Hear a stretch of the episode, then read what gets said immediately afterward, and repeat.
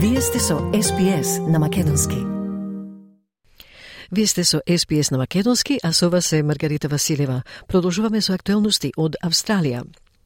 Истрагата на Сенатот за консултантски услуги формирана по скандалот со протекувањето на доверливи даночни податоци PwC, слушна изјава од друг член на консултантските фирми на големата четворка.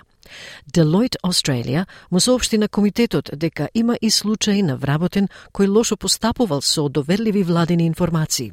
Од прилогот на Софија Тарик за SPS News.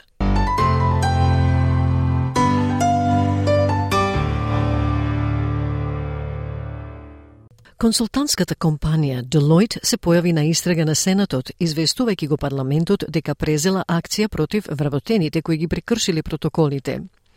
Директори на Deloitte Australia се појавија пред Комитетот за финанси и јавна администрација на Сенатот, одговарајќи на прашања околу однесувањето на фирмата. Комитетот на Сенатот започна истрага за управувањето и обезбедувањето интегритет на консултантските служби по скандалот со протекувањето на доведливи даночни информации на Price Waterhouse Coopers. Deloitte Australia го извести комитетот дека оваа финансиска година имало 121 потврдени случаи кои вклучуваат еден случај на измама, можен конфликт на интерес и еден случај на злоупотреба на владени информации. Членот на сметководствените фирми на големата четворка призна дека вработен ненамерно ги прекршил доверливите протоколи со погрешно ракување со владините информации – Главниот директор за ризик на Делојт, Снежа Пелуси, вели дека прекашувањето се случило кога еден вработен споделил доверливи владени информации со друг вработен без соодветно овластување. Таа изјави дека предметот бил идентификуван и пријавен во одделот во рокот 48 часа. The incident um, that we referred to in our questions, I noticed, did relate to a breach of our protocols in relation to the handling of government um, information. So we did identify um, the matter and we obviously um, reported it to the department within 48 hours. And the incident itself related to the protocols that we had in place from one team member working with another team member on the same engagement. Вработениот бил известен, но фирмата нагласила дека прекршувањето не било за комерцијална корист, Deloitte Australia има добиено 712 милиони долари јавни пари во финансиската 2023 година, што представува 25 од целиот приход на фирмата.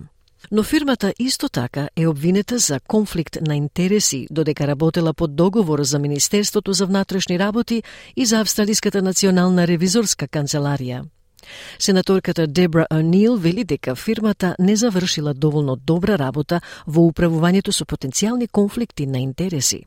О'Нил ја опишува работата како аморфен модел, каде што се се вкрстува едно со друго и постојано предизвикува прашања за тоа како фирмата го менаджира конфликтот на интереси.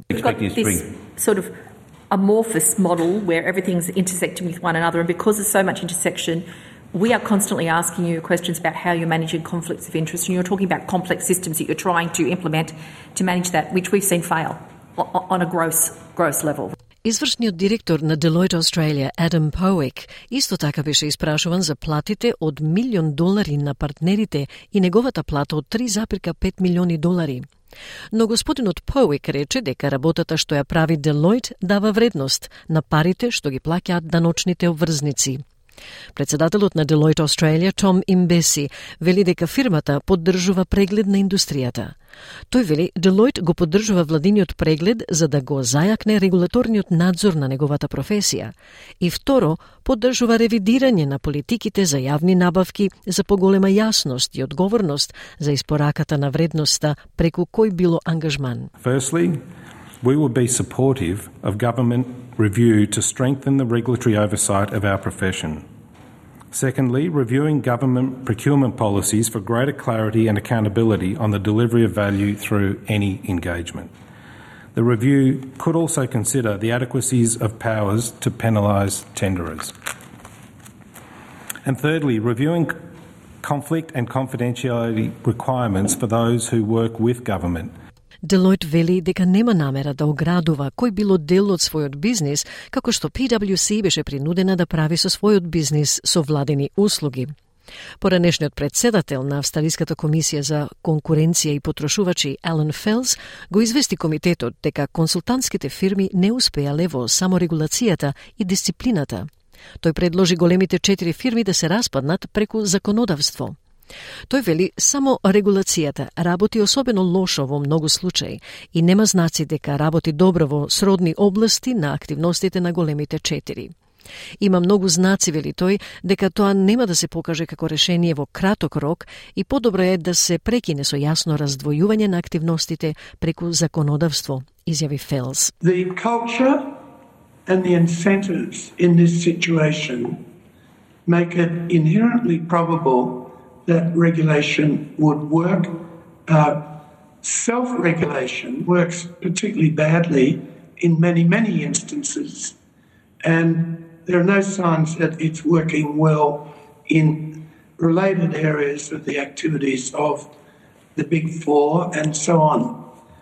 And likewise, on the regulatory side, there are many signs that that uh, is not going to proved to be a solution. So it is better to cut through with a clear separation of the activities brought about by legislation. Министерката за финансии и јавен сервис Кейти Галага за ABC Radio National изјави дека има преголемо подпирање на надворешни консултанти како PwC и Deloitte.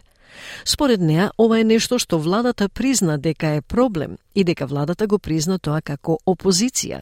Галега вели таа со години го покренувала прашањето за тоа колку владата се подпира на консултанти и изведувачи и улогата што ја играат во јавниот сервис – Таа вели, таа е причината што на изборите направија значителна заштеда во оваа област со одстранување на парите што се трошат за консултанти за да се ребалансира јавниот сервис. This is something the government has acknowledged has been a problem. We acknowledged it from opposition. I've been talking about these issues for years this over reliance on consultants and contractors and the role they play in the public service, which is why we took to the election a, a significant savings in this area of removing money that is being spent on these, um, you know, pro or these consultancies to start rebalancing the public service. It is a problem. It is worse than I thought.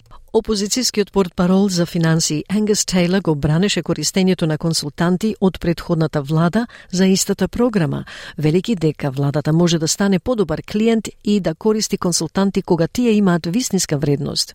Има моменти кога консултантските вештини се исклучително корисни за владата, вели тој, и за бизнисите, но има и моменти кога и не се, изјави Тейлор.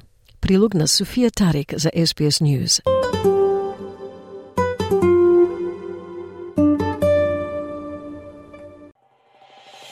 Сакате ли да чуете повеќе прилози како овој?